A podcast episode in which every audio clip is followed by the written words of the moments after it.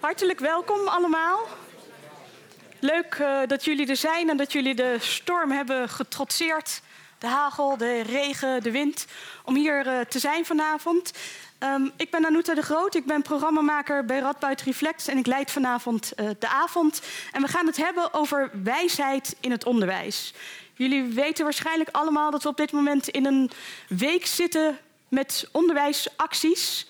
Er zijn in heel het land op verschillende locaties allemaal acties om verschillende kwesties rond onderwijs onder de aandacht te brengen. Met morgen natuurlijk de grote landelijke staking en de grote demonstratie. En wat heel bijzonder aan is aan deze landelijke actie, is dat zowel het basisonderwijs, de basisscholen, het middelbaar onderwijs, en ook het hoger onderwijs en het beroepsonderwijs meedoen. Dus het is echt een actie die breed door alle verschillende lagen, alle verschillende soorten van onderwijs wordt gedeeld en gedragen. Betekent volgens mij niet dat er één punt op het spel staat. Volgens mij is het interessant ook dat er heel veel punten zijn die morgen en voor de verschillende mensen die meedoen aan de acties een rol spelen. Um, studenten willen minder werkdruk, scholieren willen minder druk, docenten willen minder werkdruk, leraren willen meer geld, leraren willen meer prestige, meer aanzien. Er zijn heel veel verschillende punten die een rol spelen. Maar ik denk wel dat je kunt stellen dat die acties laten zien dat er ergens in het onderwijs in Nederland op dit moment iets niet goed gaat. Dat er ergens iets sluimert waar mensen niet tevreden over zijn. Dan gaan we het vanavond niet hebben over de acties en over de politieke vragen, de politieke kwesties die daar spelen. We hebben vanavond twee filosofen uitgenodigd om in te gaan op de vraag wat de rol is van wijsheid in onderwijs. En het mooie vind ik zelf, is dat deze filosofen ook in die dagelijkse onderwijspraktijk staan. Zowel op de universiteit als op de hogeschool. Dus zij weten wat het is om docent te zijn, leraar te zijn, hoe je dat ook uh, wilt noemen. Um, we beginnen vanavond met een lezing van Tina Rahimi. Uh, zij is politiek filosoof. Um, zij is ooit gepromoveerd op uh, een promotie over in- en uitsluiting. En op dit moment is zij lector sociaal werk in de superdiverse stad, ik zeg het goed hè, aan de Hogeschool Rotterdam. En uh, zij doet onder andere onderzoek naar wat het is om een uh, leermeester te zijn. En we hebben haar uitgenodigd uh, naar aanleiding van dit lezenswaardig, echt aan te raden, prachtige boek. verborgen verhalen over leermeesters en inspiratoren. En zij geeft zo meteen een lezing over wijsheid in onderwijs en de relatie tussen leraar en leerling. Na haar lezing eh, gaat ze in gesprek met Jan Bransen, hoogleraar um, filosofie van de pedagogiek, nee, van de gedragswetenschappen moet ik zeggen, hier aan de Radboud Universiteit. Um, Jan Bransen doet veel onderzoek naar uh, hoe wij onszelf als mensen, als wezens definiëren, waarbij rationaliteit vaak een van de belangrijke kenmerken is die we onszelf toe-eigenen, onszelf ja, toewijzen. En um, van hem kwam onlangs dit boek uit, Gevormd of Vervormd, ook over het onderwijs. Um, een pleidooi voor ander onderwijs, waarin hij nou ja, schetst wat hij denkt dat er niet goed gaat in het onderwijs nu. En schetst wat de vergezichten zouden moeten zijn voor het onderwijs van de toekomst. Tina en Jan gaan met elkaar in gesprek. Ik zal dat gesprek leiden. Um, er is ruimte voor enkele vragen van uh, jullie. Daarna sluiten we de avond af. Jullie hebben, als jullie willen, de mogelijkheid om de boeken te kopen. We verkopen ze vanavond. En ik vermoed dat Tina en Jan wel bereid zijn om te signeren als jullie dat uh, leuk vinden. Ik wens jullie een hele fijne avond, een inspirerende avond. Wie weet wordt het een vormende avond. Maar dat moeten we misschien aan het eind van de avond ook even aan Tina en Jan vragen of dit nou is wat zij vorming uh, vinden. Veel plezier en ik geef heel graag het woord aan Tina.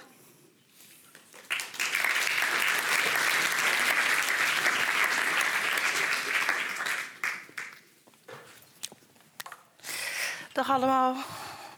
Volle zaal Meestal zijn mijn klasjes kleiner. Oh ja, dat ben ik. Er is inderdaad uh, veel spanning in het onderwijs. Uh, we willen meer geld. En ik denk dat dat ook moet komen, maar ik denk niet dat het geld het antwoord gaat zijn. Omdat er voornamelijk heel veel andere factoren zijn binnen het onderwijs die uh, voor spanning zorgen. Het is niet voor niks de meest overspannen uh, sector die er is. Met meest overspannen mensen en ook nog eens studenten die overspannen zijn. Dus wat is er in godsnaam aan de hand? Meestal de uitleg die daaraan gegeven wordt, er verandert zoveel. Er verandert zoveel en niet alleen zoveel, maar er verandert ook zo snel. Um, sinds dat ik bij het HBO ben, volgens mij zijn er, weet ik veel, 30 visies gekomen over hoe je anders moet onderwijzen. Allemaal boekjes, dus uh, dit soort boekjes, wat uh, net gepresenteerd werd. Um, iedereen heeft een mening over. Um, uh, dus uh, pedagogiek verandert, de kinderen veranderen. En hoe breng je de digitalisering in het onderwijs? Gaan we het wel serieus nemen, niet serieus nemen? Wat doen we met de mobieltjes? Nou, ga maar door. Um, daar ga ik het niet over hebben. Ik ga het daar niet over hebben. Ik ga niet hebben over de vragen van ah, de hectiek. Hè. Dat is, ik ben uh, volgens mij vanmorgen was ik om negen uur al bij een lezing en dan weer in de auto, weer ergens anders naartoe, weer ergens anders naartoe. Dat is ons leven in het onderwijs, complete hectiek. Maar ik zou zeggen, laten we vanavond even doen. Daar, daar heb ik even behoefte aan. Um, wat, wat, versta ik dan? Wat wil ik eigenlijk zeggen? Dat ga ik eigenlijk vanavond uh, doen. En dan heb ik een digitaal middel hiervoor. Heel handig. Wat is onderwijs voor mij? Dat ga ik met jullie delen. En let op het woordje delen. Ik ga het alleen maar delen. Kijk maar wat je mee doet. Misschien slaat het bij jou aan, misschien slaat het bij jou niet aan. Onderwijs voor mij is een praktijk. Nou, ik zit in het HBO. Is er iemand hier ook die op het HBO zit? Uh, nou, heel vaak als je als filosoof op het HBO staat, dan zeggen mensen tegen je: maak het concreet. Maak het nou concreet. Je bent wazig. Maak het concreet. Dan denk oké. Okay. En ik zie het bij sociaal werk. Hè, dat uh, superdiverse, gooi dat maar even weg. Ik heb er niks met dat woordje. Maar uh, sociaal werk. En dan hebben we het over sociaal werk. Maar ik ben niet alleen maar filosoof, maar ik ben ook een mens met een geschiedenis. Zeg maar. Mijn geschiedenis zit eigenlijk gedeeltelijk ook in het boek. En dat is voornamelijk voor mij de meest doorslaggevende uh, zeg maar energie die ik heb als ik lesgeef in het sociaal werk. En dan zeg ik, jongens, wat bedoel je dan als je tegen me zegt, maak het concreet? Heel vaak bedoelen mensen, maak het simpel. Maar concreet is niet simpel. Concreet is bijster ingewikkeld. Filosofieboeken kan ik lezen, kan ik snappen. Concepten kan ik uh, zo mee uh, gooien. Dat doe ik ook in de vergadering, is echt leuk. Dan kijken mensen, huh? En, uh, dus dat is eigenlijk ergens ook wel makkelijk. Theorie is ergens, tenminste voor mensen zoals ik, hè, je, had het, uh, je hebt het over rationaliteit, voor mensen, voor, voor mensen zoals ik is dat eigenlijk makkelijk. Maar juist, het is juist die praktijk. Elkaar aankijken en niet weten wat de andere voelt, ervaart, ziet, meemaakt of wat er in iemands hoofd omgaat, dat is voor mij complex, ingewikkeld. Want voor mij, hè, dit, uh, twee dagen geleden, is een uh, collega die zei tegen mij: Joh, weet je wat, ik doe harde wetenschap. Weet je wat jij doet? Jij vertelt verhalen. Jij bent een verhalenverteller. En ik denk: Oké. Ik heb er ook eigenlijk niet op gereageerd. Ik word ook een beetje ouder en wijzer. Waarom heb ik niet op gereageerd? Toen dacht ik: Het is geen belediging. Misschien bedoel jij het als belediging, maar het is voor mij geen belediging. Ja, ik vertel verhalen. Waarom vertel ik verhalen? Waarom vertel ik in godsnaam verhalen? Ik ben heel erg geïnspireerd geraakt. Dat is een van mijn enorme inspiratoren, Giorgio Agamben. Ik weet niet of iemand in de zaal is die hem kent. Meestal een onbekende filosoof, een Italiaan, politiek filosoof. En Agamben heeft het heel vaak over exemplarische voorbeelden. Heel vaak als wij gaan uitleggen, dan komen we met concepten. Vooral op de universiteit, dan komen we met concepten en begrippen. En Agamben kijkt vooral naar voorbeelden die in hun uniciteit, in hun momentaniteit, in hun contextualiteit tegelijkertijd een connectie maken met de rest van de wereld. Dus eigenlijk dragen ze in zichzelf, terwijl ze uniek zijn, terwijl ze eigenlijk gelden alleen maar voor mensen die erin zitten, dragen ze in zichzelf toch de wereld. Exemplarisch. Ze gaan uit die complexe wereld waarin wij leven een deel uithalen. En meestal halen we een deel uit en dan zijn we disconnected, in Engels gezegd, met de rest. Maar eigenlijk met een heel fragiel draad blijven ze vasthouden aan die complexiteit. Blijven ze verwijzen aan die complexiteit. Dus zou ik zeggen. En dat zijn voor mij verborgen verhalen. Niet omdat ze verborgen zijn, niet omdat ze we niet elke dag meemaken, maar omdat we geen aandacht aan schenken. Dat is eigenlijk wat ik bedoel met verborgen. we zien ze als onbelangrijk, dingen die niet toedoen. Nou, laten we beginnen met zo'n verhaal. Anderhalf jaar geleden. Jullie weten het, er waren twee mannen die waren aangevallen. Volgens mij was het in Nijmegen. Of in ieder geval hier in de buurt. Was in ieder geval niet in Rotterdam. Eén keertje hadden wij het niet gedaan. Afijn, ik loop in de gang en er zijn uh, een paar studenten hè, die lopen naar me toe en die zeggen: Mevrouw, mevrouw, mevrouw, wilt u ons steunen? En inmiddels heb ik geleerd, hè, vroeger zei ik heel enthousiast als jong docent: Tuurlijk, ik steun jullie altijd. Tegenwoordig ben ik iets wijzer geworden en zeg waarmee.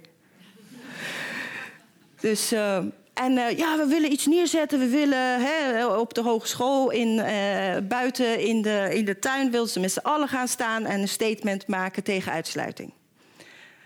Dus ik kijk ze zo aan en ik zeg: Ja, ja, uitsluiting. Oké. Tegen discriminatie. Ja, mevrouw, tegen discriminatie, daar houdt u van. Ik zeg: Oké. Ik zeg: Maar hoe dan? Hoe dan? En ik heb ze goed opgevoed. Ik heb ze echt goed opgevoed. Toen zeggen ze dan ook met z'n vijven, zeggen ze... We gaan niet ene discriminatie ruilen voor een ander. We zijn tegen alle soorten discriminatie. Ik zeg, oké, dan wil ik jullie steunen. Wat ik niet wist, ben ik nog steeds niet wijs genoeg... was dat ze steunen bedoelden... ik neem een foto van je en ik zet het op Facebook. Ik doe niet aan Facebook, ik doe niet aan Twitter. Eh, hoe heet die andere nou? Uh, Instagram. Nou, je, hebt heel veel. Dus ik denk, shit.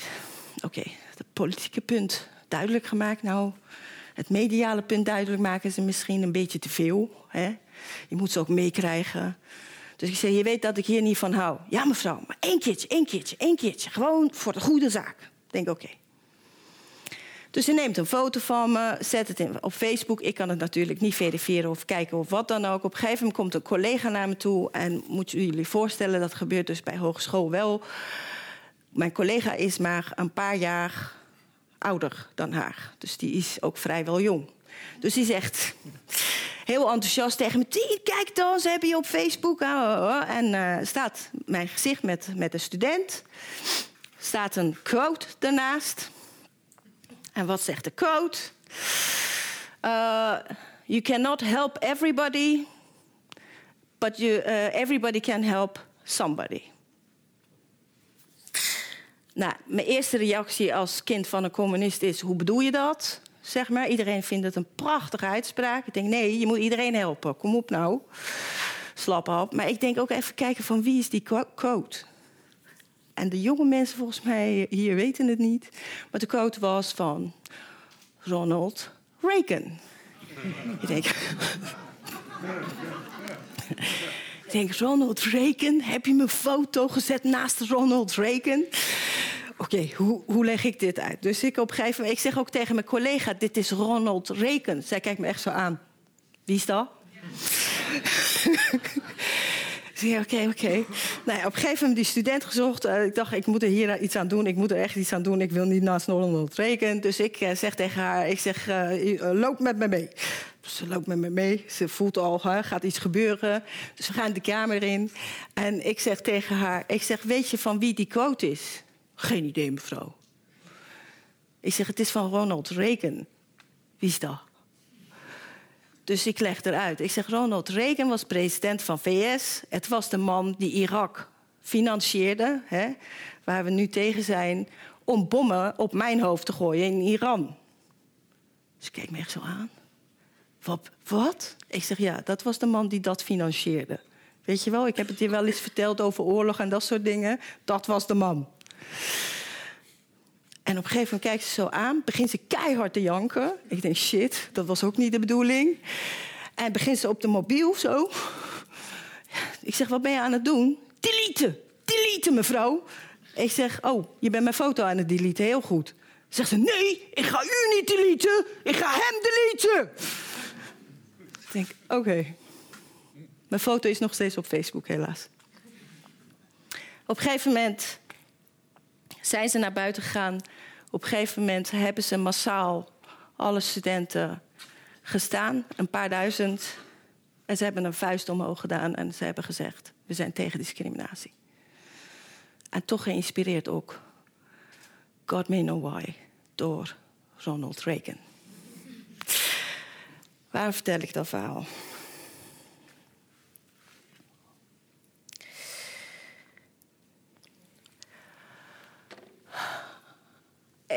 Ik dacht, oké, we hebben het over onderwijs en we kunnen over pedagogiek hebben of uh, allerlei dingen. Uh, of allerlei tactieken of allerlei modellen waar we mee aan de slag kunnen gaan. Ik dacht, weet je wat, ik ga het hebben over mensen. Wie moet je in godsnaam zijn als je voor een klas staat? Wie moet je in godsnaam zijn? En dat is een ingewikkelde vraag. Er verandert heel veel in het onderwijs en onze neiging is: geef me een antwoord, geef me een helder antwoord, geef me een duidelijk antwoord. En ik snap dat behoefte wel. Ik snap het wel. Alleen, mijn vraag is: waarom houden we de vraag niet? Want de vraag houdt je staand. Het verlangen naar het antwoord maakt je gek, omdat je hem niet gaat vinden. En de vraag is: wat voor houding heb ik wat voor mens wil ik zijn? Wat voor persoon wil ik zijn? En heel simpel gezegd, wat voor relatie wil ik bouwen met een ander mens? Ik ga het niet hebben over slechte leraren. We hebben allemaal voorbeelden gehad van slechte leraren. Ik vind dat het meest oninteressante gesprek die je kan voeren.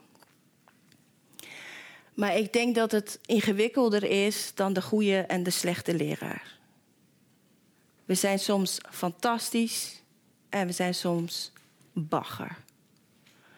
Ik stond gewoon uh, een week geleden voor de klas te kletsen, kletsen, kletsen. Alle tactieken die je moest gebruiken in interactief lesgeven heb ik niet ingezet, omdat ik zelf ook moe was. En dan is het aangenamer om alleen maar te praten. Interactief is veel intenser. En ik zie uh, die gezichtjes helemaal bleek wegtrekken. En ze kijkt me echt zo aan. En niks komt binnen, dat weet je. En je kan niet op reageren vanuit vermoeidheid. En soms sta je les te geven en denk je zo, gaat goed, gaat leuk. Dus ik dacht, weet je wat, ik ga een ander soort onderscheid maken. Tussen ambiguë leermeester en onlogenbare inspirator. Wat is een ambiguë leermeester? En heel vaak denken mensen dat ik het heb over een slechte leraar. Ik heb het niet over de slechte leraar. Ik heb het over de complexe leraar, die in ieder mens eigenlijk in principe zit. Een ambiguë leermeester is iemand waar je heel veel van leert. Heel veel van leert. Maar je ook breekt. Je ook klein maakt. Je ook waardeloos maakt. En hij is of zij is ambigu omdat je juist niet weet, geen flauw idee hebt hoe je je moet verhouden ten opzichte van zo'n persoon. Een slechte leraar is makkelijk, stom, je loopt weg. Een ambiguë leermeester is zeer ingewikkeld, zeer complex. Omdat je datgene wat je leert, wil je ook leren. Misschien het meeste wat ik heb geleerd, het meeste scherpte in mijn denken die ik heb binnengekregen, komt door mijn ambiguë leermeesters. En toch ergens had ik ze liever niet meegemaakt. Ja, wat is dat? Een tweevoudig verlangen. Een tweevoudig verlangen. Maar waarom is een ambigu leermeester ambigu? Nou, je hebt twee, in die ambigu leermeester heb je ook eigenlijk twee. Een ambiguë leermeester is ook iemand die gelooft heilig in een objectieve waarheid of een objectieve kennis. Of hoe wij het ook noemen, een belangrijke kennis die moet je hebben. Snap je? Die moet je hebben. Ik zeg dat het belangrijk is en jij moet het leren. Die wil je iets geven. Elk leraar in principe staat voor een klas omdat hij verlangt diep van binnen, vanuit zijn of haar buik, dat je groeit, dat je ontwikkelt, dat je verder komt dan waar je was. Als we dat verlangen niet hebben, dan staan we gewoon niet voor een klas. Dan sta je gewoon simpelweg niet voor een klas. Dus ieder meester of juf of wie dan ook, die verwacht of hoopt dat je groeit. Dus dat verlangen is niet ter discussie. Wat er ter discussie is, is hoe je dat verlangen inzet. Nou, een ambiguë leermeester doet het door jou te proberen te maken naar zijn of haar beeld. Eigenlijk jou te vervormen tot wie hij of zij wil dat jij wordt. En het is bijna altijd degene die hij of zij zelf is. Of hoe hij of zij in de wereld staat. Die heeft een objectief beeld over wat geleerd moet worden. Of, dat is de andere kant van het verhaal, een subjectief verlangen dat hij ook nog eens op je legt. Dit is wat ik wil zijn en niet meer naar je kijkt of niet meer met je in gesprek gaat, niet meer dat ter discussie stelt, maar wel steeds weer oplegt. En je leert er heel veel van. En sommige dingen leer je daardoor ook af. We gaan terug naar het meisje met Reagan.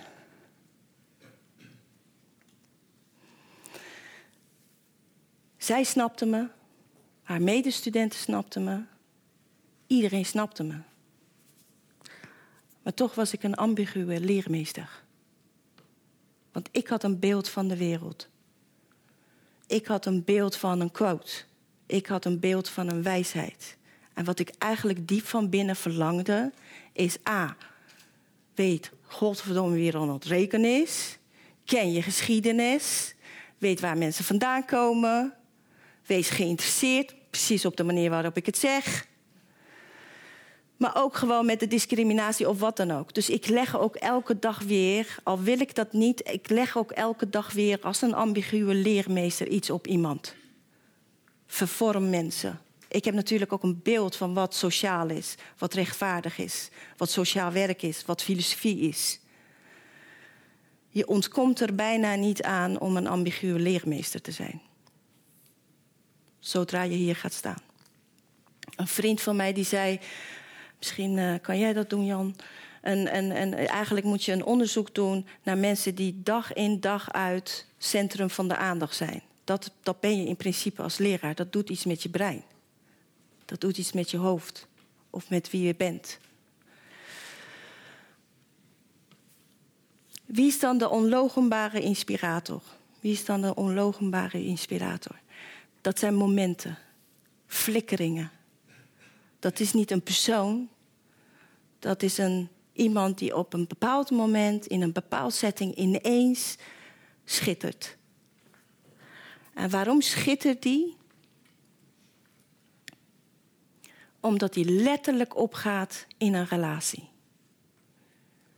Niet over een objectieve waarheid heeft, niet over een subjectieve verlangen heeft, maar compleet compleet en alom om totaal ingaat in een relatie. En elk leraar kent dat moment ook. Dat je jezelf vergat en alleen met de relatie werd.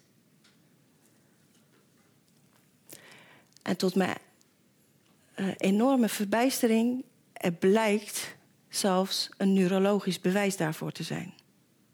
Er blijkt dat op het moment dat je met elkaar in gesprek gaat, normaal gesproken hebben we allemaal weefs in ons hoofd die niet met elkaar afstemt.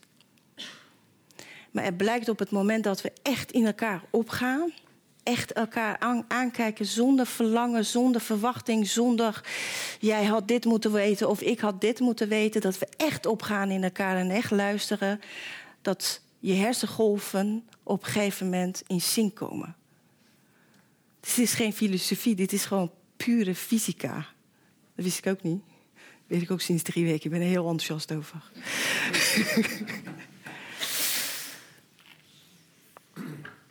en waarom was ik op dat moment in dat verhaal geen onlogenbare inspirator? Omdat.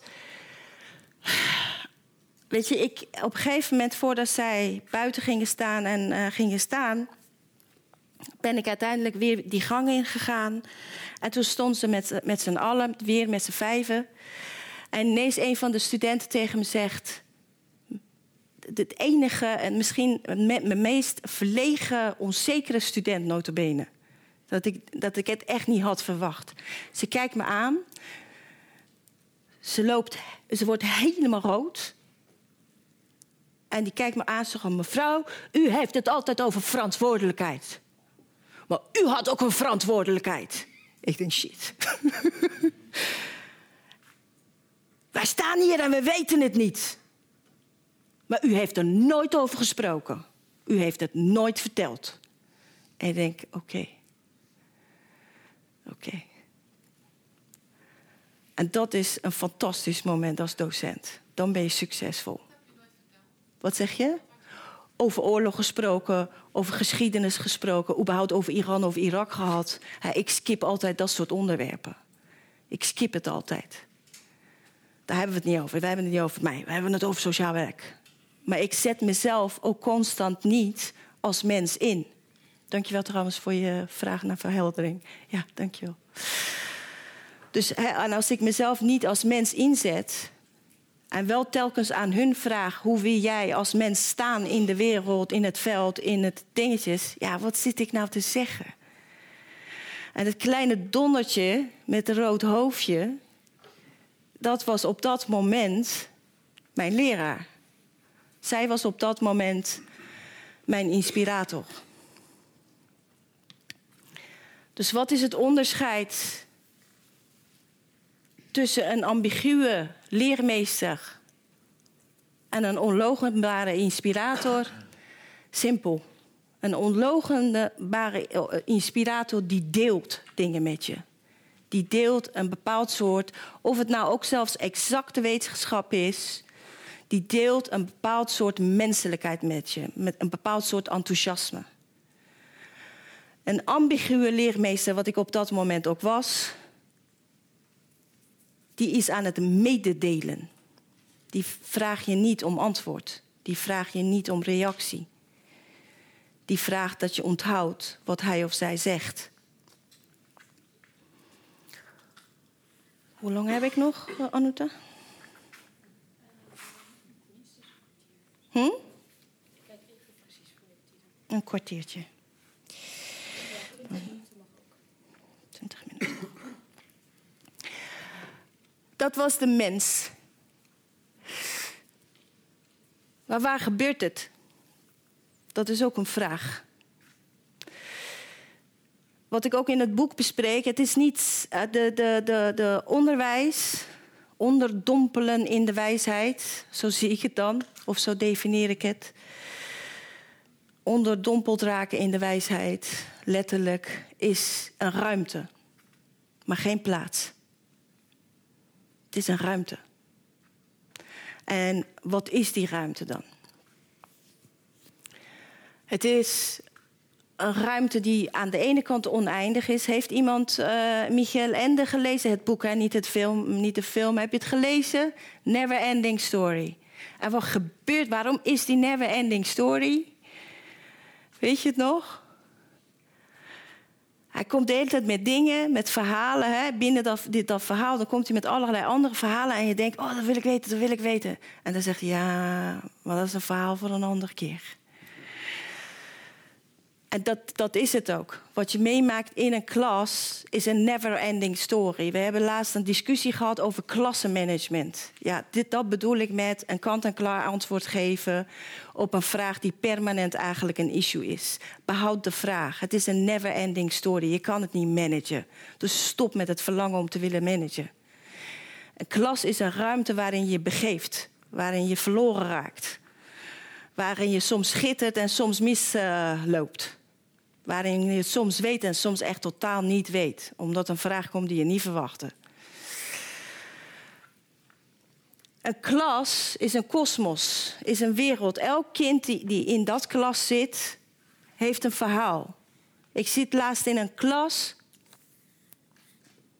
En er is een student die komt elke keer. Ze is er altijd exact op tijd. Maar op een gegeven moment legt ze haar hand op de tafel en haar hoofd neer. En wat denk ik dan als ambiguë leermeester? Oh, het is niet interessant wat ik zeg. Is niet leuk, hè? En dan ga ik zo, hey, eh, let je wel even een beetje op. Ja, mevrouw, zegt ze dan. En dan is ze even wakker. Kijkt ze dan en ja, een kwartier later gaat ze weer zakken op de tafel. Wat ik nooit heb gedaan met mijn stomme hoofd, is zeggen: joh, ben je moe? Want dan had mijn collega, let even op, 27 jaar oud, wel gedaan. Joh, lieverd, ben je moe? En wat blijkt, ze heeft geen dak. Ze heeft geen huis. Ze komt naar school, zodat ze even warm is en even eigenlijk kan slapen. En wat denk ik dan? Oh, ben ik niet interessant genoeg? Dat is hij bezig zijn met mezelf. En zij was bezig met het kind. Letterlijk. Soms ben je heel wijs op een heel jong leeftijd. Wat dat kind in principe is, hè, het is een stil kind. Het is een kind die nooit praat, nooit iets zegt. Soms je heel scherp in de ogen kijkt dat je denkt: wat gebeurt er nou? Wat gebeurt er nou met jou? Maar het is een stil kind.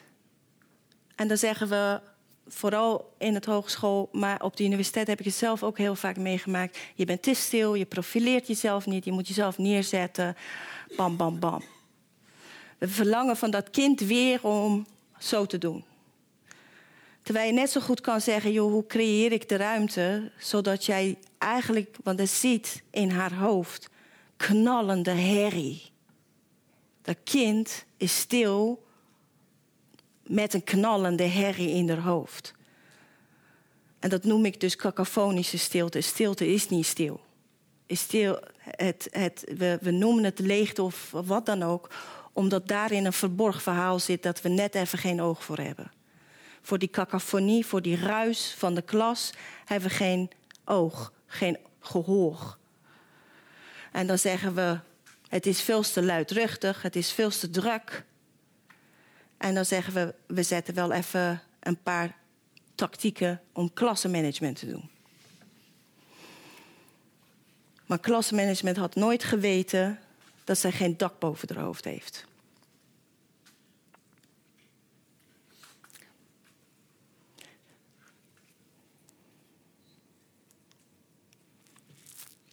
En nou denken jullie, ze staat daar. En ze staat constant te zeggen dat ze een ambiguë leermeester is. En heel vaak als ik dat doe, dan gebeuren er twee dingen. Meestal mijn collega's zeggen, zie je, jij doet het ook. denk je. Of mensen troosten me. Ook niet lekker. Omdat ik niet getroost wil worden. Ik wil die angst behouden. Ik wil die angst echt behouden.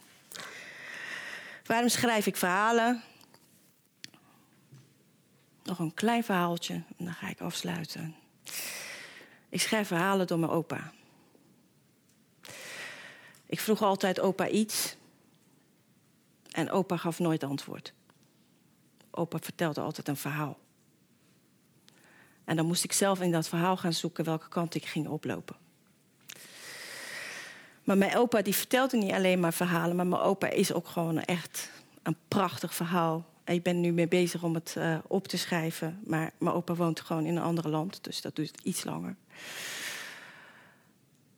En mijn opa heeft soms ook dingen me geleerd op een andere manier. Ik woonde bij opa en oma met mijn ouders. Ze woonden in een smalle straat. En aan het begin van de straat daar woonde een vrouw met haar drie kinderen. En niemand ging met die vrouw om en niemand ging met die kinderen om. En op een gegeven moment zijn we met die straatkinderen en het dingetjes. En dus op een gegeven moment, ik was vijf. En op een gegeven moment uh, zegt een van die kinderen: Ja, maar weet je wat die vrouw is? Weet je wat die vrouw geweest is?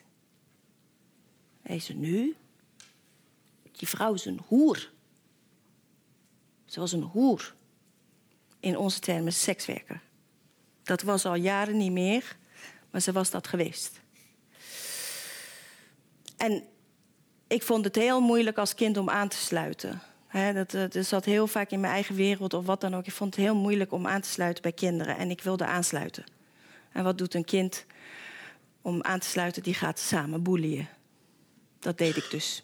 Dus ik stond daar en ik stond ook gewoon allemaal dingen te gooien. En, of niet fysiek te gooien, maar te zeggen over die vrouw. Voor haar deur. En op een gegeven moment voel ik een presence, weet je wel. Zo op mijn rug. Mijn opa was ook een hele lange man. Dus ik draai me om, ik kijk zo mijn opa in de ogen. En hij kijkt me aan. Hij zegt, en voor alle helderheid, ik ben de lievelings van mijn opa. Hij is echt dol op me. Maar die blik dat hij me toen gaf, ik kon wel sterven. Hij kijkt me zo aan, hij zei, is dit je waardigheid? Is dit wie jij wil zijn? Is dit wat jou blij maakt? Is dit goed zijn?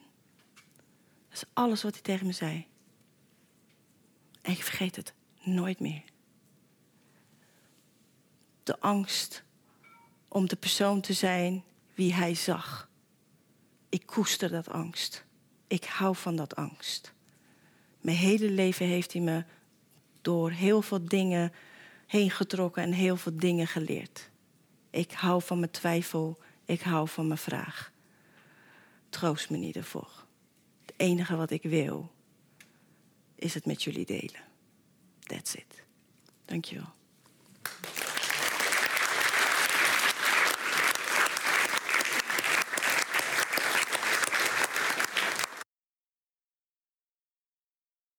Uh, vragen om ook uh, erbij te komen zitten.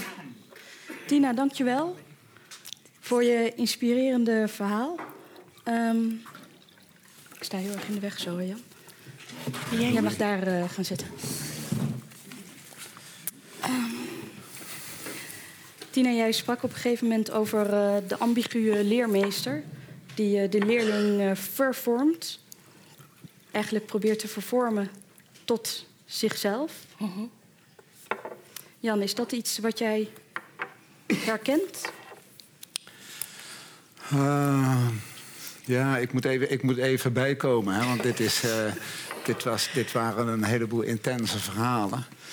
Uh, dus ik moet even zoeken naar een toon. Ik zat wel te luisteren en ik ben natuurlijk een filosoof... dus ik ga begrippen zitten analyseren en, en, en willen argumenteren... en allemaal dat soort dingen. Dus daar moeten we het vanavond maar mee doen. En, en dat kun jij ook, want je bent ook een filosoof. Maar um, bij de ambiguë leermeester...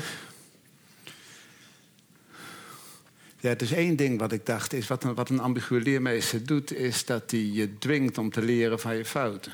Mm -hmm. En ik denk dat we, we leren veel van onze fouten. Maar zoals je in dat, dus dat laatste verhaal wat je net neerzet... Hè, met die opa die achter jou staat... Uh, en die vragen stelt. En eigenlijk in die vraag jou heel goed laat voelen dat er een contrast is tussen wie je wil zijn en wie je aan het worden bent, of, of hoe je je toont. Mm -hmm. uh, en hij wrijft. Nou, hij, ja, dus hij wrijft je misschien de fout zo diep in dat jij wel moet leren. Ja. Um, dus, dus daar zit denk ik die ambiguë leermeester. En het ingewikkelde aan het onderwijs is dat wij zo voorzichtig geworden zijn met andere uh, fouten te willen laten maken. Dus, dus, dus, ik, dus ik voel wel mee met jou van... zullen we niet inderdaad een ambiguë leermeester zijn? Zullen we niet proberen mensen te dwingen fouten te maken? Want dat is de route om ze te laten leren. En het complexere bij jou natuurlijk, in, in, in ieder geval in dat laatste verhaal wat je vertelt... is uh, dat jouw opa je natuurlijk niet gedwongen of aangemoedigd of uitgenodigd heeft om die fout te maken. Maar hij heeft hem geregistreerd en hij ja. heeft hem je wel onder je neus gevreven. Ja, heel erg. En, uh, um, en, um, en het ingewikkelde, eigenlijk is het echt ingewikkeld. Want ik denk, dit, dus in mijn, in mijn boek, en we toch even af en toe moet ik naar mijn boek verwijzen. Dan maak ik een onderscheid tussen tussen leerdoelen mm -hmm. en... Uh, oh, verschrikkelijk, leerdoelen. Uh, nee, ik heb een ander woord. Wel even nadenken. Welke, uh, dus leerdoelen, leerdoelen en levenslessen. En ik denk ja. een levensles ja. is een... Dus je kunt je onderwijs niet organiseren ja. als een route naar levenslessen. Dus die nee. levenslessen die krijg je er per ongeluk bij op, op die momenten waarop die inspiratoren waar jij het over hebt eh, er zijn. En ook op de momenten dat de ambiguë leermeester jou laat voelen. Wat je aan het doen bent. Ja. Ehm, en wij willen heel graag leerdoelen, omdat wij het onderwijs heel graag instrumenteel willen. En efficiënt. En efficiënt Ja. ook. Ehm, Reproductie. en eh, en die, die, die levenslessen, die kun je niet organiseren. Nee. Dus, Nou ja, je kan het niet organiseren. Ik weet het niet. In ieder geval, we, we, we zijn het wel volop aan het blokkeren. Een van de dingen was eh, bijvoorbeeld met kortcyclisch onderwijs. Hè, dat was ineens op de universiteit heel erg populair. En eh, eh, vooral in de filosofie. Proberen in vijf weken Heidegger te leren. Nou, dat is echt niet te doen. Ehm, ik vond tien weken al te kort. Maar ook in het sociaal werk gebeurt het. En het, argument was, studenten... ja, zie je in week 6, 7 zijn ze een beetje versuft. En ik heb daar eigenlijk aan meegedaan... want ik had ook zelf last van die versuffing, zeg maar. En ik dacht, nou ja, weet je, laten we ze wakker en energiek houden... en dat soort dingen. En achteraf, nu zit ik echt zo van... ja, maar wacht even, in, misschien in die week 7 eh, of 6 of 7... noemden wij ze versuft waar ze ook aan het eh, laten zakken. Of eh, tot zich aan het nemen. Of aan het ervaren van ja, wat ben ik aan het leren eigenlijk? Of wat dan ook. Dus hè, dat, dat er ruimte is ook om iets meer te doen met dat kennis. Of iets meer binnen te laten komen van, Ja. van kennis. Zeg maar Ja. dat van je hoofd naar je buik gaat. Dus ik denk, je, je ben, ik ben met je eens. Levenslessen hoef je niet op school te leren. En meestal leer je het ook niet op school. Soms wel. Maar de, de, de ruimtes die er waren, denk ik, zijn we ook heel erg aan ja. het verkrampen en niet, vernauwen. dus ik weet ook niet of ik vind dat we geen levenslessen op school zouden moeten Ja. leren. Maar, want eigenlijk zou ik dat wel graag willen. Ja. Maar je kunt ze niet organiseren. Dus, dus, Nee. dus wat, wat, Plannen. ik zie... Dus, want het onderscheid, want dat zou het nog over ook kunnen hebben... eh, het onderscheid tussen kennis en wijsheid. Je hebt niet veel verteld over het verschil. Maar je kunt je voorstellen dat kennis is iets wat je opdoet. Hè? Dus jij, jij hebt het over die leermeester en dan zeg je die... Die houdt van objectieve waarheid of die houdt van overdraagbare kennis. Ik weet, niet of dat, ik weet niet eigenlijk of het zo is, want bij jouw opa was natuurlijk, als ik dat verhaal goed hoor, ging het niet om overdraagbare kennis, maar wel over een beeld van hoe volgens hem de wereld in elkaar zit. Ehm, Ja. Hoe je maar wijsheid, wijsheid heeft niet zozeer te maken met het verzamelen van kennis, maar met het kunnen omgaan met. Ja, ik weet niet, laat maar even zeggen, het kunnen omgaan met het leven. Eh, het kunnen omgaan met andere mensen die een andere kijk erop hebben. Dus het mooiste waar je ook, dat ik het mooiste in het boek vond, is dat jouw moeder pas aan het eind zo heel even langskomt. Eh, en ook een leermeester blijkt te zijn. Eh, maar niet van dat ambiguë type. Dus daar zit iets. Daar speelt iets heel anders. Hè? En dat vond ik eigenlijk wel. Dat vond ik echt het mooiste stukje van het boek.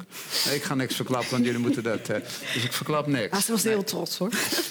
Maar dat, eh, dat onderscheid tussen leren en eh, kennen. Want ik denk dat dat in jullie beide eh, ideeën over onderwijs een eh, belangrijke eh, rol speelt. Ehm, en ik snap dat jullie zeggen, het onderwijs moet ook een plek zijn waar, waar dat, brede, dat brede leren van die wijsheid, levenservaring, levenslessen, waar daar plek voor moet zijn. Maar is onderwijs niet primair de plek waar je gewoon rekenen moet leren en taal moet leren en scheikunde moet leren? En is dat niet het belangrijkste wat er moet gebeuren binnen het onderwijs?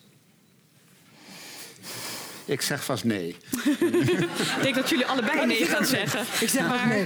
Ik wil graag weten waarom jullie nee, Nee, nee, zouden dat is, zeggen. kijk, de- de- weet je, ik, ik, ik kan er ook niet tegen. ehm, want dat, ik denk dat dat wel iets met onze docenten aan het doen is. eh, dat, dat we van de ene schieten in de ander, zeg maar. Hè. De onderwijs is kennis. Jij en ik zijn opgevoed met, zeg maar, daar zitten. Ik weet nog dat de eerste keer dat ik filosofie eh, had, zeg maar, ik zat allemaal aantekeningen te maken. En op een gegeven moment, eh, zoals jullie eigenlijk eh, reageerden, zeg maar, toen dacht ik, waar gaat dit over? En toen snapte ik het niet. Toen deed ik mijn hand omhoog. Nou, wat er met mijn docent gebeurde, is niet normaal. Het was helemaal van zijn apropos. Want jarenlang had hij les gegeven en niemand had de hand omhoog gestoken. Hij ook een waanzinnige verteller hoor. Echt fantastische verteller. Maar toch, ja, ik snapte niet wat hij zei. Dus ik deed mijn hand omhoog. Ehm, dat type onderwijs hè, willen we niet meer, zeggen we dan. En dan krijg je dan de andere kant van, uh, joh, uh, onderwijs gaat om interactief en hè, leren. De student moet zelf aangeven om te leren of wat dan ook. Als je op het moment dat je dat doet, ook in een instituut, dan maak je je docenten echt compleet waardeloos. Want je, je erkent hun kennis ook niet en kundigheid niet. Dus dat zou ik ook niet willen. Ik vind ook dat zeg maar, zo'n setting niet kan. Maar ik vind ook niet dat je tegen je docenten kan zeggen: je hebt niks meer te melden. Je hebt wel iets te delen. Ik wil wel de kennis die ik heb, die ik heel hard voor gewerkt heb en jij ook, die wil je natuurlijk wel delen. Dus dat is het ook. Hè. Ga je mededelen of ga je delen? Want zij gaan iets anders meedoen.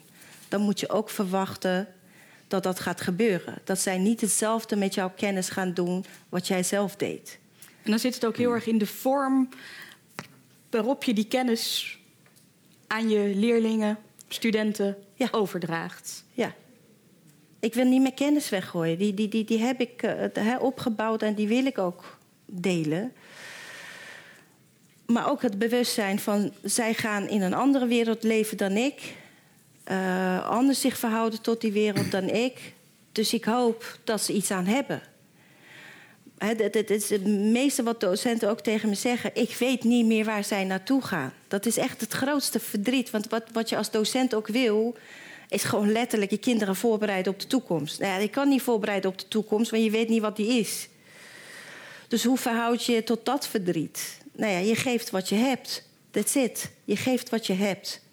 En dat is ook belangrijk. Dus het is niet of-of. Je leert dingen, je bouwt kennis op in het onderwijs. Maar je leert ook andere dingen. Of je, hè, je hebt ook. De, de, de, wijsheid is inderdaad in die zin iets anders dan kennisbouw. En ze zijn allebei belangrijk. En Jan, jij zegt ja, ik ga, nee. Ik ga dit verhaal heel anders vertellen. Ja. dus ik, kan, ik wil het wel even proberen. Maar um, dus, um, als je het over een, een uh, onlogenbare inspirator hebt... Hè, en je hebt het dan over een moment... en je hebt het over op dat moment deelt hij iets. Ja. En hij deelt niet iets mee, maar hij deelt iets hoe ik me dit voorstel. En, en ik kan er helemaal naast zitten, maar, maar zo luister ik hiernaar. En zo kan ik me voorstellen dat ik een leermeester ben of dat ik een docent ben. Laat, laat ik dat woord even gebruiken. En, um, en, en, en ik verbeeld me ook dat ik eigenlijk behoorlijk ver weg ben van die ambiguë leermeester op bepaalde manieren. Dat heeft te maken met wil ik, wil ik hun ergens heen brengen. Dus stel, mm -hmm. dus laten we even spelen. Bedoel, ik zit nu hier docenten zijn, jullie zijn uh, uh, uh, studenten en ik deel, ik deel iets. Dat is wat ik probeer. Als ik iets probeer te delen, denk ik dat ik het probeer te hebben over een bepaalde zaak. Mm -hmm. En die zaak vult mijn hele hoofd. En ik probeer mm -hmm. daar helder over te praten. En ik probeer. Daarin deel ik het. Mm -hmm. Maar ik deel het niet mee in de zin van: ik heb hier iets in mijn hoofd en nu moet dat naar jullie toe en jullie moeten dat vangen.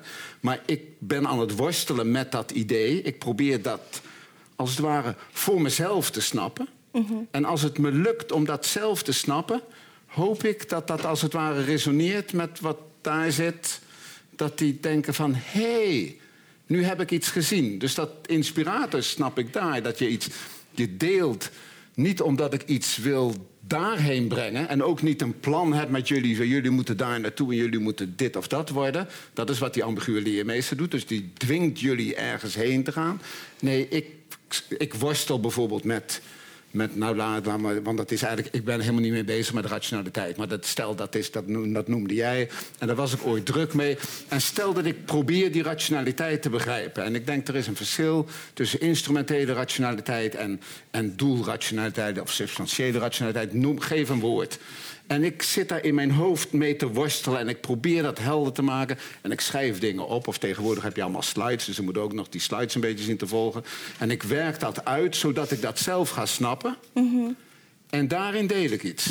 Ja. En ik hoop dat jullie mijn geworstel konden volgen en het ook gesnapt hebben. En, en, en eigenlijk hoop ik nu de stiekem dat dit nu ook werkt.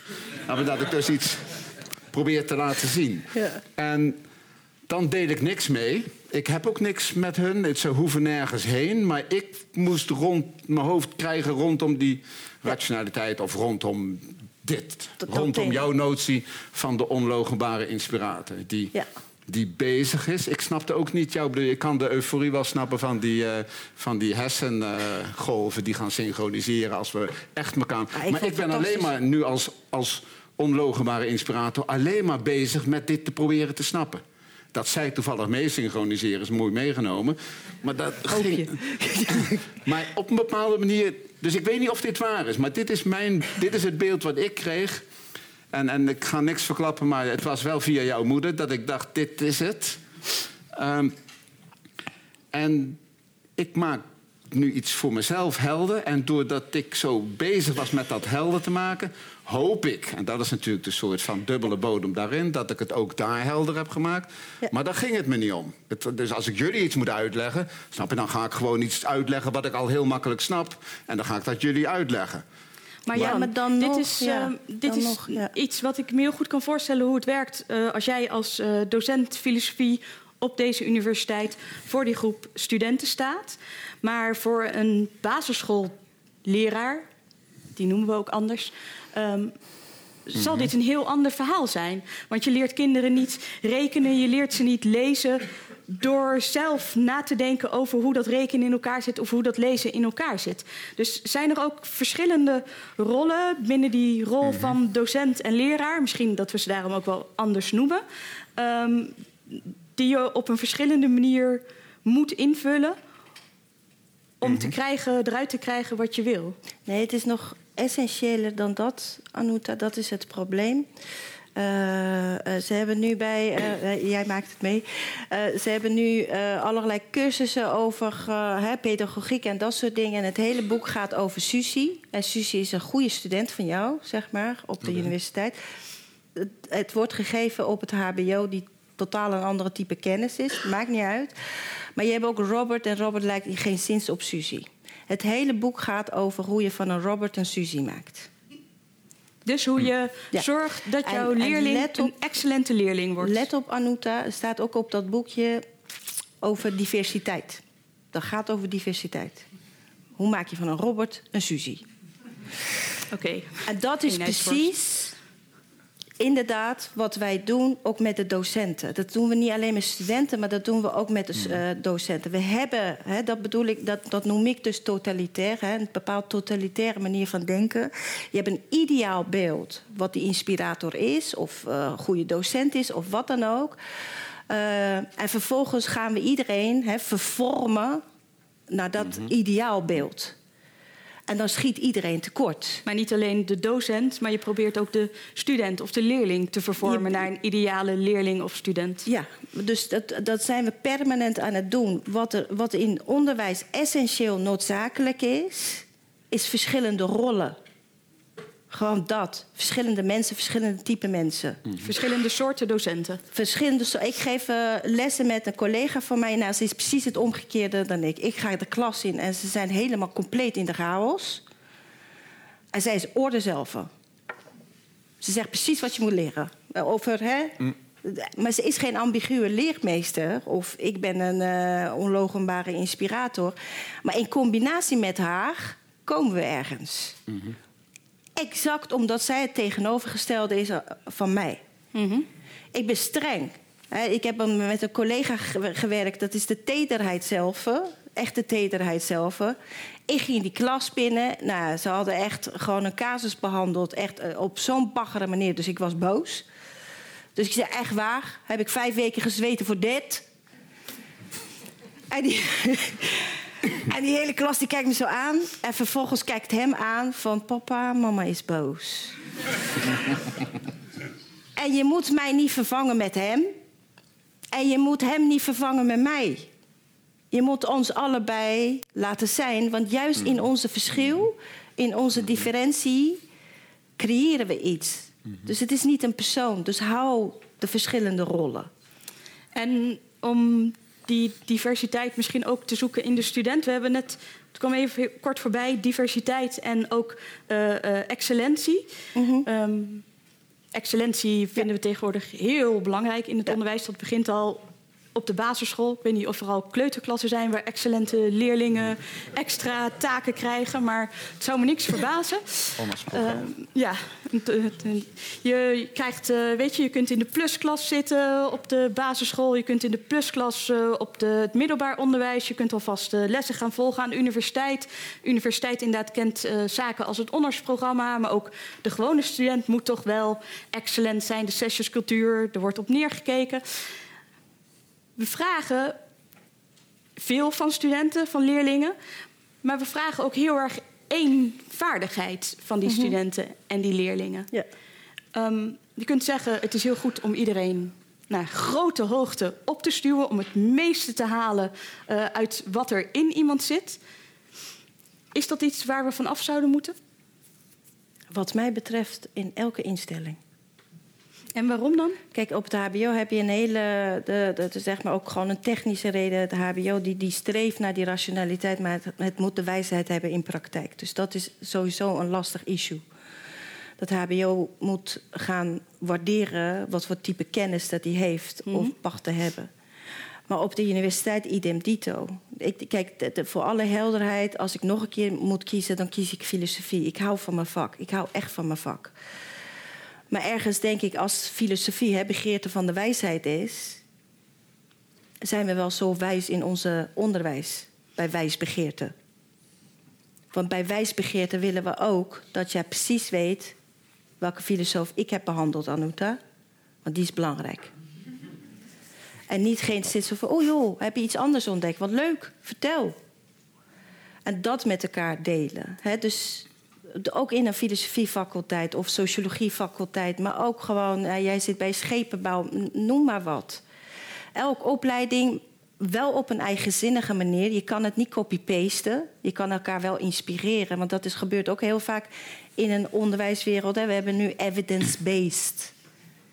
Get it, catch it, bring it somewhere else.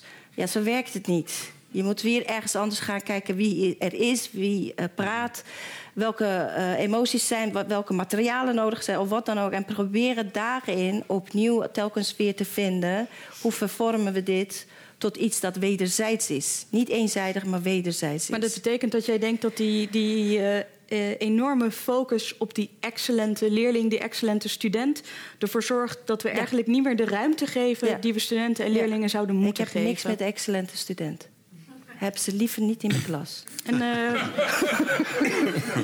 jij Jan, heb jij ze wel uh, graag in je klas? Of, nee, eh? ik, nou ja, kijk, um, wat, wat er natuurlijk gebeurt bij, bij, bij als je, als je zo'n verhaal gaat vertellen, is dat je de variëteit de variëteit aan eigenschappen die de moeite waard zijn om te hebben en te ontwikkelen, heel sterk versmalt. Mm -hmm. Dus er is één notie van excellentie, we weten niet precies wat, maar dat is wel iets uh, verschrikkelijk uh, specifieks te maken.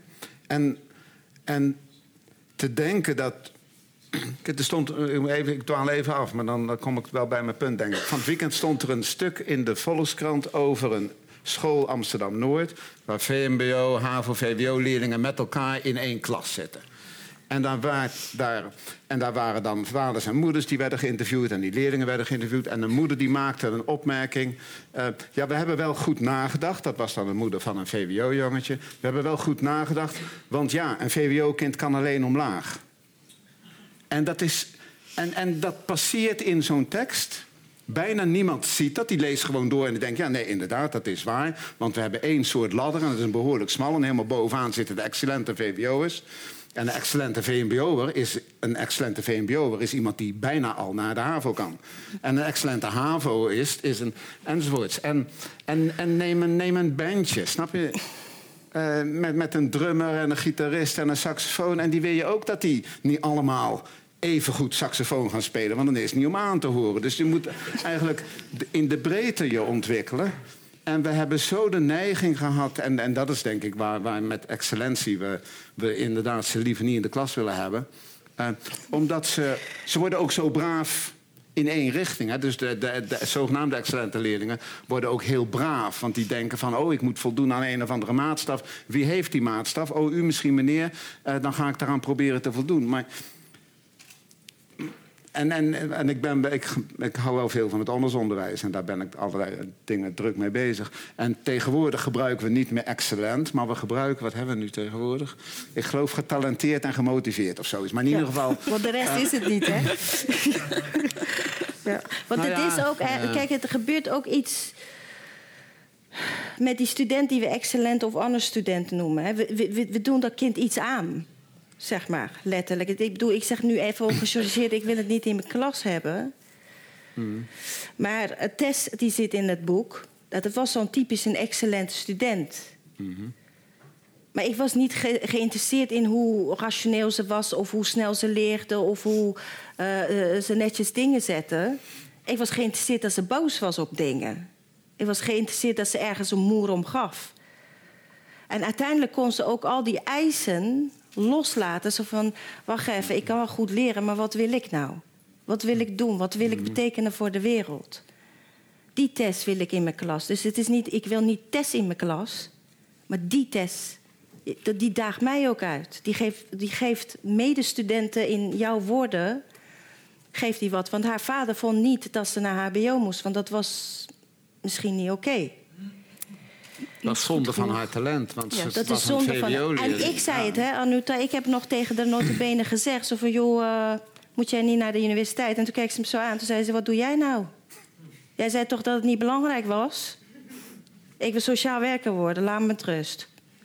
Snap je? Dus ik, hè, je, we, we- we verwachten het ook de hele tijd. Ja. Maar dat kind wil ook iets anders doen.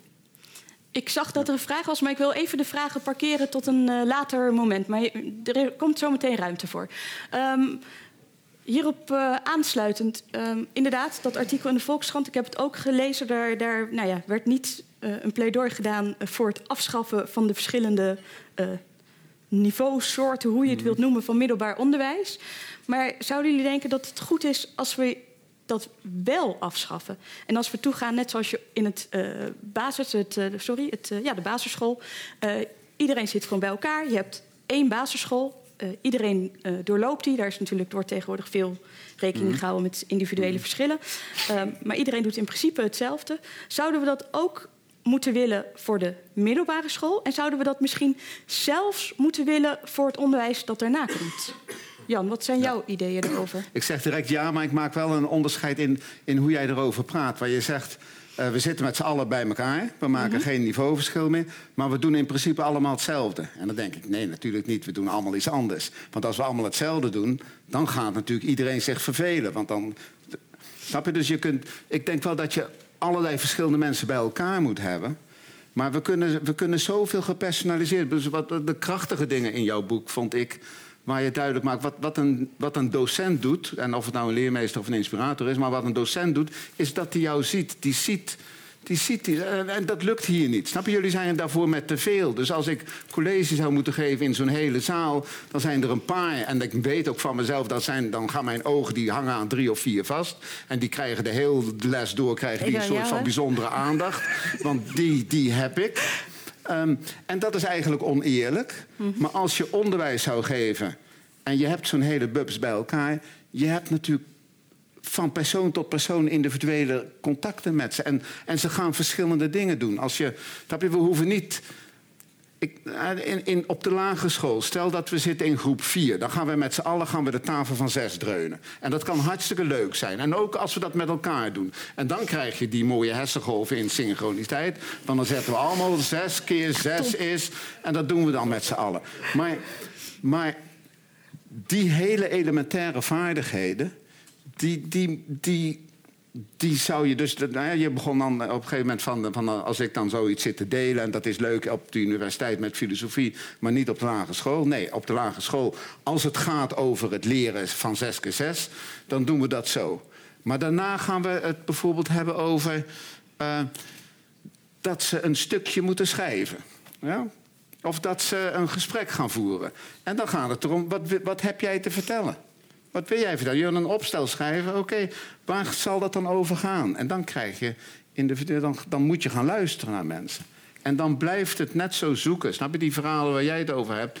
Ehm, al jullie hebben allemaal verhalen. En, en ik zou ze willen horen. En die kun je overal heen brengen. En dat heb je ook met kinderen van zes. Snap je? Die- zit, dat kind wat, waar jij het net over had, die valt in slaap. Want die heeft geen huis. Dat is een verhaal. Daar kan je, daar kan je zo'n hele groep twaalf weken mee bezighouden. Hoe zit zo'n leven in elkaar? Ehm, en dat kan op ieder niveau. Dat, dat kan overal. Maar je gaat natuurlijk niet dan de hele dag alleen maar met z'n allen proberen dat verhaal van die ene slapende medestudent proberen te doorgronden. Maar er zijn allerlei manieren om. Eh, en nou eindigt dit. Tina, wil jij nog eh, daar iets over Nee, ik zeggen? ben wel eh, mee eens. Het is, het is complexer dan die ja of nee vraag. Weet je wel? Het, het, het, het- een klein voorbeeldje. Ik weet, tien jaar geleden gaf ik les, zeg maar. Maar dat was echt begin dat ik bij het HBO zat. Ik zat daarvoor op de universiteit. En dat is toch wel echt een stuk braver dan op het HBO. En er was een jongen die zat de hele tijd op de stoel. Eh, ja, dan moet ik even dit ding niet kapot maken. Maar die zat de hele tijd zo. Nou, tegenwoordig noemen we dat ADHD. Ja. Maar dat wist ik niet. En ik, dacht, ik, kan, ik kan dit niet. En ik had echt een baan nodig. Hè? Ik was er gewoon even een tijdje werkloos. Ik had echt een baan nodig. Ik dacht, ik kan dit niet. En ik heb het echt nodig. Dus ik ging op een gegeven moment die klas in. Ik zeg, jongens, eh, de- de- de- hoe gaan we dit doen? En eh, toen zeiden die studenten... Nou, mevrouw, eh, als die en die even loopt af en toe... één keer per vijf, eh, tien- twintig minuten... dus eh, dan gaat het wel weer, hoor. Dus ik dacht, hè? Dus toen hadden we met elkaar afgesproken... oké, hij gaat dan elke twintig minuten... doen we even twee minuten pauze... en dan gaat hij een rondje lopen... en dan komt hij weer zitten en dan gaat het weer. Dat, tien jaar geleden is niet zo lang geleden. Tien jaar geleden over, hè, kijk naar het verschil. En heb oog voor het verschil en laat dat verschil zijn. En laat die verschillende kinderen in een klas zitten. Tien jaar geleden kon dat wel. Nu niet meer. Nu moet ik ze iets leren binnen vijf weken. Niet acht weken. En allemaal hetzelfde. Allemaal Alle hetzelfde.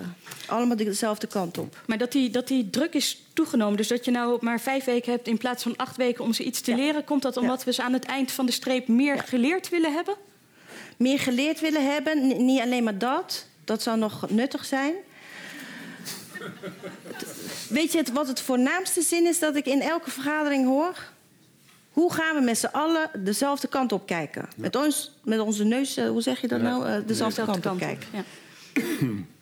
Ik denk, waarom moeten we met onze neus dezelfde kant op kijken? Maar niemand vraagt wat er aan de hand is. Maar dat is de meeste zin dat ik vergadering na vergadering na vergadering hoor. Allemaal dezelfde kant op kijken. Nou, dan zie je dat drukke kind niet. Die past niet in die klas. Dezelfde kant op kijken. Ik Je denk dat het onderwijs, kijken. we hebben het onderwijs ook heel instrumenteel gemaakt. Dus we Mhm. denken dat een, een cursus van acht weken is een.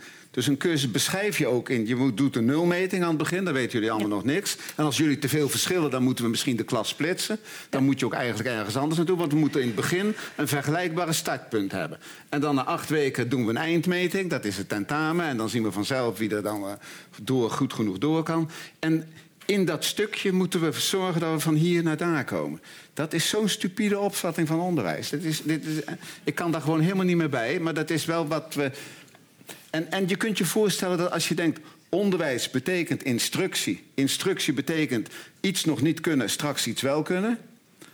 Ja, oké. En af en toe zal er zo'n les bij zitten. En af en toe doe je 20 minuten iets, want dan moet er echt iets geleerd worden. Maar de meeste dingen die zijn zoveel vari- gevarieerder. En die schieten alle kanten op. Eh, en dat disciplineren, dus dat disciplineren wat we in het onderwijs doen. Ik, ik, kan, er, ik kan het er niet meer bij. Dus ik kan, dus ik kan wel over leerdoelen praten, want dat moet dan eh, in, in is een hele lijstje. vergaderingen. Ja. En je loopt ze systematisch na. En ik denk ook studenten in ieder geval, daar weet ik het van. Leerlingen op middelbare scholen weet ik niet zo. Die eisen ook, die verwachten ook dat er duidelijk Ja. omschreven leerdoelen zijn. Ja. Die hebben Ja. we zo opgeleid, gevormd, vervormd... Ja. dat dit ook is wat ze vragen aan een docent. Ja, Ja. We hebben ze echt vervormd. En dan, Vervormd. er is niks mis met kennis, maar dan heb je alleen maar oog. Niet eens voor kennis, Anouta. Nee. Maar waar Maar voor wel informatie. Informatie. Wees, weet precies de exacte informatie wat je moet weten. De exacte informatie. Niet de spannende informatie, de spannende kennis. Dus het gaat niet eens om wijsheid. Maar zelfs Nee. binnen dat kennisdomein wordt het een standaardisering van dit is de, de, het plaatje. En dan, eh, de- wat zeg je? De voorwaarden, ja, inderdaad. Om, heb je wel eens HBO-boeken gezien? Universiteitsboeken beginnen ook aardig op te lijken. Een tekst die complex is, dat je drie keer moet lezen, dat is not done. Dat is echt not done. Je hebt een samenvatting aan het begin, dat was bij jouw boek, hè? En een samenvatting aan het einde. Je hoeft het boek helemaal niet te lezen. Dat doen ze ook niet. Jongens, wisten jullie dat die boek kopen hoe de je het niet te lezen? Alleen de samenvatting lezen, er staat alles in. Het spaart wel heel veel bomen. Het spaart heel veel bomen. Nou, dat is het goede. Helemaal mee eens. Ik wil eh, nog één vraag aan jullie stellen voordat we eh, zometeen eh, de zaal ook eh, laten, vragen laten stellen. Ehm, en dat is eh naar aanleiding van jouw boek ook, eh, Tina. Want ehm, wat jou in jouw boek doet is eh, verhalen vertellen. Je zegt al, ik ben een verhalenvertelster en ik ben eigenlijk trots op die titel. En die verhalen die gaan over jouw leven eh, voor een deel. En wie jou, voor jou inspiratoren zijn geweest. Maar wat je ook vertelt in een van die verhalen... ehm, is dat het schoolsysteem voor jou geen ruimte had. Het is uiteindelijk ben je in het schoolsysteem beland als een eh, docent. Ja. Maar als leerling had het schoolsysteem geen ruimte voor jou. Nee. Ehm, als jij het hebt over diversiteit, als je het hebt eh, over eh, je HBO-leerling die eh, dakloos is, die geen dak boven haar hoofd heeft, moet het schoolsysteem voor iedereen ruimte hebben? Of is het helemaal Ja. niet erg als een leerling een tijd geen ruimte in het schoolsysteem vindt, als er maar wel ergens anders in de maatschappij voor die leerling, of in dat geval niet meer leerling, maar voor die persoon ruimte is? Ik vind dat school ruimte moet hebben voor iedereen. En kan ik dat beargumenteren? Nee. Ga ik dat beargumenteren, lieve mensen? Nee. Dat is een besluit. Dat is een besluit die je neemt. Bied ik de ruimte in mijn klas aan iedereen? Ja of nee? En voor mij is het antwoord ja. En jij vindt ook dat dat kan. Want er Ja. zullen ook mensen zeggen die vinden dat het niet kan, dat het niet mogelijk is. Nee, maar ik denk dat veel meer mogelijk is dan wat we nu doen. Echt veel meer mogelijk is. En het is soms ook gewoon heel simpel. Soms is het ook gewoon heel simpel. Soms is het hele, weet je, het, zijn geen, geen grote gebaren. Weet je, het, het hele onderwijssysteem veranderen is een groot gebaar. Soms is het gewoon echt een heel klein gebaar in een klaslokaal. En dan blijft een kind zitten. Ik heb laatst, toen, toen was ik even goed in mijn element. Er was een student die zat alleen maar met een mobieltje te spelen. En af en toe vroeg ik er wat en ze maakte ontzettend intelligente opmerkingen. En meestal is mijn neiging om te zeggen: joh, doe eens die mobiel weg. En toen dacht ik: weet je wat, ik ga het nu even anders zeggen. Dus toen zei ik tegen haar: ik zeg liever, ik vind het echt interessant wat je zegt. Maar als jij met je mobiel bezig bent, dan deel je al die interessante dingen die je weet, die deel jij niet met mij. Sindsdien heeft ze de mobiel niet meer. Het was een klein gebaartje. Soms is het gewoon echt een heel klein gebaartje. Ik heb een student gehad die was zo gestrest. En ik maar echt allerlei dingen voor de verzinnen om het te kalmeren of wat dan ook. Wist het op een gegeven moment echt werkelijk waar niet meer wat ik moest doen. En ze haalde altijd 9 en 10. Hè. Dan denk je, waarvoor heb je nou in godsnaam stress? Dat hielp ook niet. Op een gegeven moment echt uit wanhoop heb ik mijn hand op het hoofd gelegd. En ineens weer ze rustig. Ik dacht? Want echt met de mate stress dat zij had, had ze echt binnen een paar weken was ze echt afgehaakt. Het was gewoon te veel stress. Maar af en toe zei ik ook tegen haar, zei, joh, handje boven je hoofd? Ja, even, eventjes. Oké, handje boven je hoofd. En dat is denk ik, om terug te gaan naar jouw verhaal. Dat soort dingen die zijn wel een beetje gedemoniseerd in het onderwijs. Weet je wat, de, de, de, de affectie, de liefde of wat dan ook. Weet je wat, er zijn gewoon allemaal horrorverhalen overal te ronden, zeg maar. Dus op het moment dat ik mijn hand ook leg, dan denk ik van... eh, is er nog een jurist ergens die me kan pakken? Weet je wel, want dat, dat is het. hè. Het is ook ernstig gejuridiseerd. Het, het heeft zijn ethiek verloren en een juridisch verhaal aan het worden. En misschien kunnen we daar in godsnaam wel iets aan gaan doen. Back to the ethics. Terug naar de ethiek Yes. en de medemenselijkheid. Ja. Oké. ik wil jullie allemaal bedanken voor jullie komst. Ik wil jullie bedanken voor jullie vragen, voor het uh, meedenken. Um, ik wil uh, Jan bedanken voor het meepraten. Ik wil Tina bedanken voor haar lezing en uh, voor haar komst vanavond. Um, mochten jullie het leuk vinden, dan, dan zijn de boekjes dus zometeen boven te koop. Ik kan ze allebei van harte aanbevelen. Dank voor jullie komst. Fijne avond en graag tot een volgende avond van Radboud Reflect.